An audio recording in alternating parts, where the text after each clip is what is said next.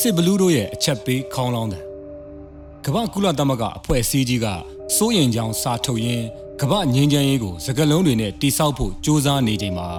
စစ်လက်နက်တွေပိုင်ဆိုင်ထားတဲ့စစ်ဘလူးတွေကတော့အင်အားကြီးရင်ဘသူ့ကိုမဆိုအနိုင်ကျင့်လို့ရတယ်ဘာမဆိုလုပ်လို့ရတယ်ဆိုတဲ့တော်ရိုင်းဥပဒေတကို လက်တွေ့ကြကြကျင့်သုံးပြပြီးငြင်းချမ်းရေးကိုလိုလားကြတယ်ဆိုတဲ့ကဘာသူကဘာသားအားလုံးကိုအချက်ပေးခေါင်းလောင်းထိုးလိုက်ပြီးဖြစ်ပါတယ်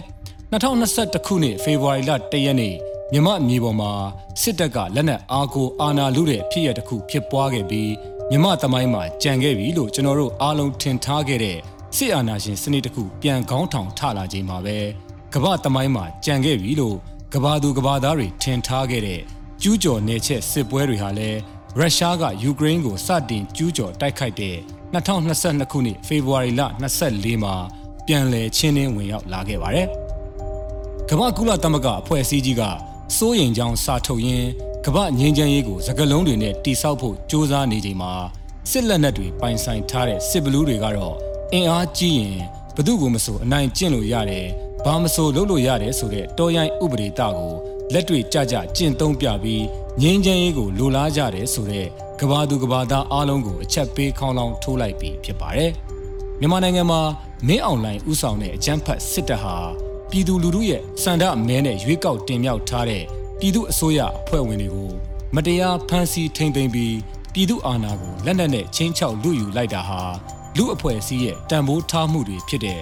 လွတ်လပ်မှု လုံခြုံမှုတရားမျှတမှုဒန်းတူညီမျှမှုစတာတွေကိုအကြီးအကျယ်ချင်းချောက်လိုက်တာဖြစ်ပြီးရုရှားရဲ့ယူကရိန်းပေါ်ကျူးကျော်တိုက်ခိုက်မှုကတော့နိုင်ငံတနိုင်ငံရဲ့အချုပ်အခြာအာဏာကိုပါထိပါလာတဲ့လုပ်ရက်ဖြစ်ပါတယ်။ဒီအာဏာရှင်နှစ်ယောက်လုံးရဲ့လုပ်ရက်တွေဟာပြည်တွင်းရေးကိစ္စဒေသတွင်းကိစ္စတွေအဆင့်မဟုတ်တော့ဘဲကမ္ဘာငြိမ်းချမ်းရေးကမ္ဘာသူကမ္ဘာသားတွေအားလုံးရဲ့လုံခြုံရေးနဲ့လူသားဖွံ့ဖြိုးတိုးတက်မှုတို့ကိုပါအကြီးအကျယ်ထိခိုက်လာတဲ့ခြေလှမ်းတွေဖြစ်တယ်ဆိုတာကိုတေချာလေ့လာသုံးသပ်ကြည့်ရင်မြင်နိုင်မှာဖြစ်ပါတယ်။ အကြမ်းဖက်စစ်ကောင်စီနဲ့ရုရှားနိုင်ငံအကြားစစ်ရေးဆက်ဆက်ပတ်သက်မှုများ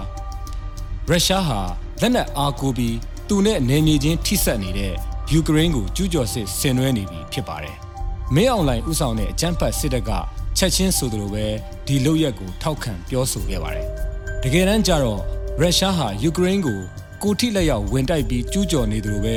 သူတို့လိုသလိုခိုင်းလို့ရတဲ့စစ်ကောင်းဆောင်တွေကိုလဲပတ်ကြိုးပတ်ပေးထားပြီး မြန်မာနိုင်ငံကိုလည်းကျူးကျော်ဖို့ခြေလှမ်းတွေလှမ်းနေပြီဖြစ်ပါတယ်။အကြမ်းဖက်စစ်ကောင်စီခေါင်းဆောင်မင်းအောင်လှိုင်ဟာ2021ခုနှစ်ဇွန်လ20ရက်နေ့ကစတင်ပြီးရက်တပတ်ကြာတဲ့ရုရှားနိုင်ငံခရီးစဉ်တစ်ခုကိုတွားရောက်ခဲ့ပါတယ်။အဲ့ဒီခရီးစဉ်မှာရုရှားသမ္မတပူတင်နဲ့တွေ့ခွင့်မရခဲ့ပေမဲ့ရုရှားကာကွယ်ရေးဝန်ကြီးနဲ့လုံခြုံရေးကောင်စီအကြီးအကဲတို့ကတော့မင်းအောင်လှိုင်ကိုလက်ခံတွေ့ဆုံခဲ့တာရှိပါတယ်။အဲ့ဒီခီးစဉ်အတွင်းမှာပဲရုရှားစစ်ဘက်ဆိုင်ရာအကယ်ဒမီတစ်ခုက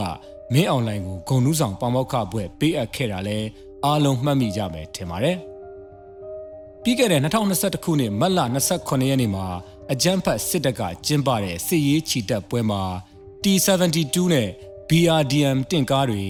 MiG 29နဲ့ 1AK 130တိုက်လေယာဉ်တွေ MI24 MI35 နဲ့ MI70 ရဟတ်ယာဉ်တွေပါဝင်တဲ့ရုရှားထုတ်စစ်လက်နက်များစွာကိုပြသခဲ့တယ်လို့အဲ့ဒီအခမ်းအနားကို ရုရှားစစ်ရေးကောင်းဆောင်အချို့တက်ရောက်ခဲ့ကြပါတယ်။အခုလက်ရှိပြည်သူလူထုကိုအညာအတာကင်းမဲ့စွာရက်ဆက်ကြမ်းကြုတ်စွာတပ်ဖြတ်နေတဲ့စစ်ကောင်စီတပ်တွေအုံပြုနေတဲ့စစ်လက်နက်ပစ္စည်းတွေထဲမှာရုရှားကနေဝယ်ယူထားတဲ့လက်နက်တွေများစွာပါဝင်နေပါတယ်။လက်တလောကရင်နီပြည်ဘက်မှာဖြစ်နေတဲ့တိုက်ပွဲတွေမှာဆိုရင်လဲ flying tank ဆိုပြီးဝေဟင်ကတင့်ကားလို့တင်စားတဲ့ရုရှားလို့ MI35 တိုက်ရဟတ်ယာဉ်တွေနဲ့ YAK 130 တိုက်လေယာဉ်တွေကို တွင်တွင်ကြဲကြဲအသုံးပြုပြီးအယက်သားပြည်သူတွေကိုပြစ်မှတ်ထားတိုက်ခိုက်နေတာတွေ့ရပါတယ်။2021ခုနှစ်ဩဂုတ်လ21ရက်နေ့မှာလဲမြန်မာစစ်တပ်ဟာရုရှားနိုင်ငံမှာကျင်းပခဲ့တဲ့နိုင်ငံတကာစစ်တပ်အားကစားပြိုင်ပွဲအမျိုးမျိုးမှာပါဝင်ဆင်နွှဲခဲ့ပြီးတင့်ကားစွမ်းရည်ပြိုင်ပွဲ Tank Biathlon တိုက်ရည်ရင်စွမ်းရည်ပြိုင်ပွဲ Sea Cup လက်ဖြောင့်စွမ်းရည်ပြိုင်ပွဲ Sniper Frontier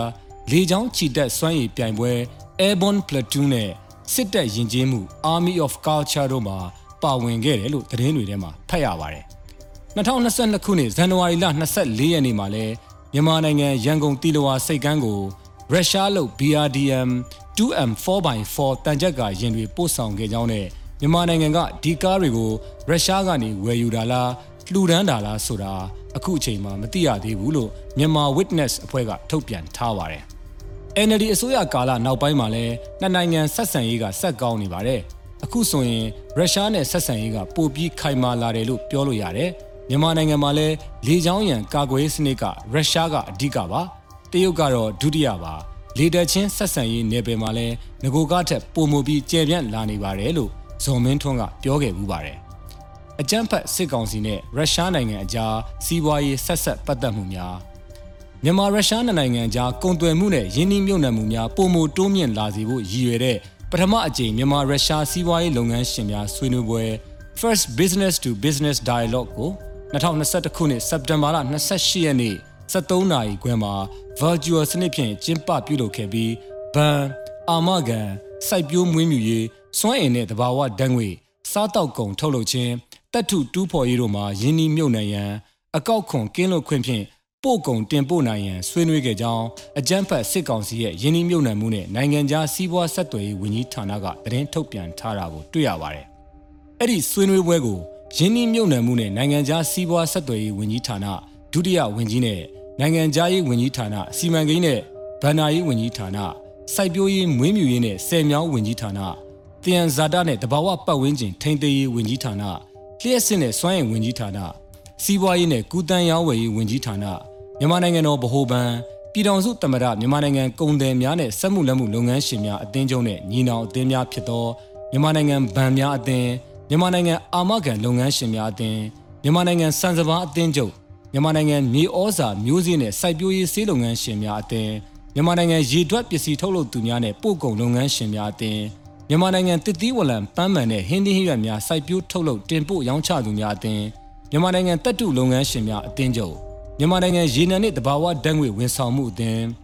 မြန်မာနိုင်ငံစားတောက်ကုန်ထုတ်လုပ်တင်ပို့ရောင်းချသူများအသင်းတို့မှကိုယ်စားလှယ်များနဲ့မြန်မာရုရှားချစ်ကြည်ရေးအသင်းမှကိုယ်စားလှယ်များမြန်မာနိုင်ငံဆိုင်ရာရုရှားတန်ယုံမှကိုယ်စားလှယ်များရုရှားဖက်ဒရေးရှင်းနိုင်ငံကုန်သည်များနဲ့စက်မှုလက်မှုလုပ်ငန်းရှင်များအသင်းချုပ်နဲ့ရုရှားကုမ္ပဏီများမှကိုယ်စားလှယ်များအာရှနိုင်ငံဆိုင်ရာစိုက်ဘေးရီးယားနိုင်ငံတကာပူးပေါင်းဆောင်ရွက်ရေးအဖွဲ့မှကိုယ်စားလှယ်များစုစုပေါင်း200ဦးခန့်တက်ရောက်ခဲ့ပါတယ်။ အဲ့ဒီဆွေးနွေးပွဲရလဒ်တွေကိုအခြေခံပြီးဆွေးနွေးပွဲတွေဆက်လက်ကျင်းပဖို့နှစ်နိုင်ငံကုန်သွယ်ရေးနဲ့စီးပွားရေးပူးတွဲကော်မရှင်အစည်းအဝေးပြုလုပ်ဖို့အနာဂတ်ပူးပေါင်းဆောင်ရွက်မှုကိုမဟာဗျူဟာမြောက်လက်မှတ်ရေးထိုးနိုင်ဖို့ရုရှားစီးပွားရေးကောင်စစ်ဝင်မစ္စတာအန်ဒရီလူနက်နဲ့အကြမ်းဖက်စစ်ကောင်စီရဲ့နိုင်ငံခြားစီးပွားဆက်သွယ်ရေးဒုဝန်ကြီးအမိခံဦးတန်းအောင်ကျော်တို့အောက်တိုဘာ25မှာထပ်မံဆွေးနွေးခဲ့ကြတယ်လို့လည်းဆိုပါတယ်။ နှစ်နိုင်ငံစီးပွားရေးနဲ့ကုန်သွယ်ရေးပူးပေါင်းဆောင်ရွက်မှုဆိုင်ရာနားလည်မှုစာချုပ်လွှာကိုရုရှားမြန်မာချစ်ကြည်ရေးအသင်းနဲ့မြန်မာရုရှားစီးပွားရေးဖွံ့ဖြိုးမှုအသင်းတို့လက်မှတ်ရေးထိုးခဲ့ကြောင်းလည်းအောက်တိုဘာ28ရက်နေ့ထုတ်မြန်မာအလင်းသတင်းစာမှာဖော်ပြခဲ့တယ်လို့သိရတယ်။နှစ်နိုင်ငံကုန်သွယ်မှုဟာ2019-2020မှာအမေရိကန်ဒေါ်လာ60တန်းသာရှိပေမဲ့အကြမ်းဖက်စစ်ကောင်စီကအာဏာသိမ်းပြီးနောက်မှာကုန်သွယ်ရေးနဲ့ယင်းနှိမ့်မြုပ်နှံရေးတိုးတက်စေပြီးရုရှားနဲ့ဆက်ဆံရေးပုံမခိုင်မာဖို့ ဇက်တိုက်စီစဉ်လာတာကိုတွေ့ရပါတယ်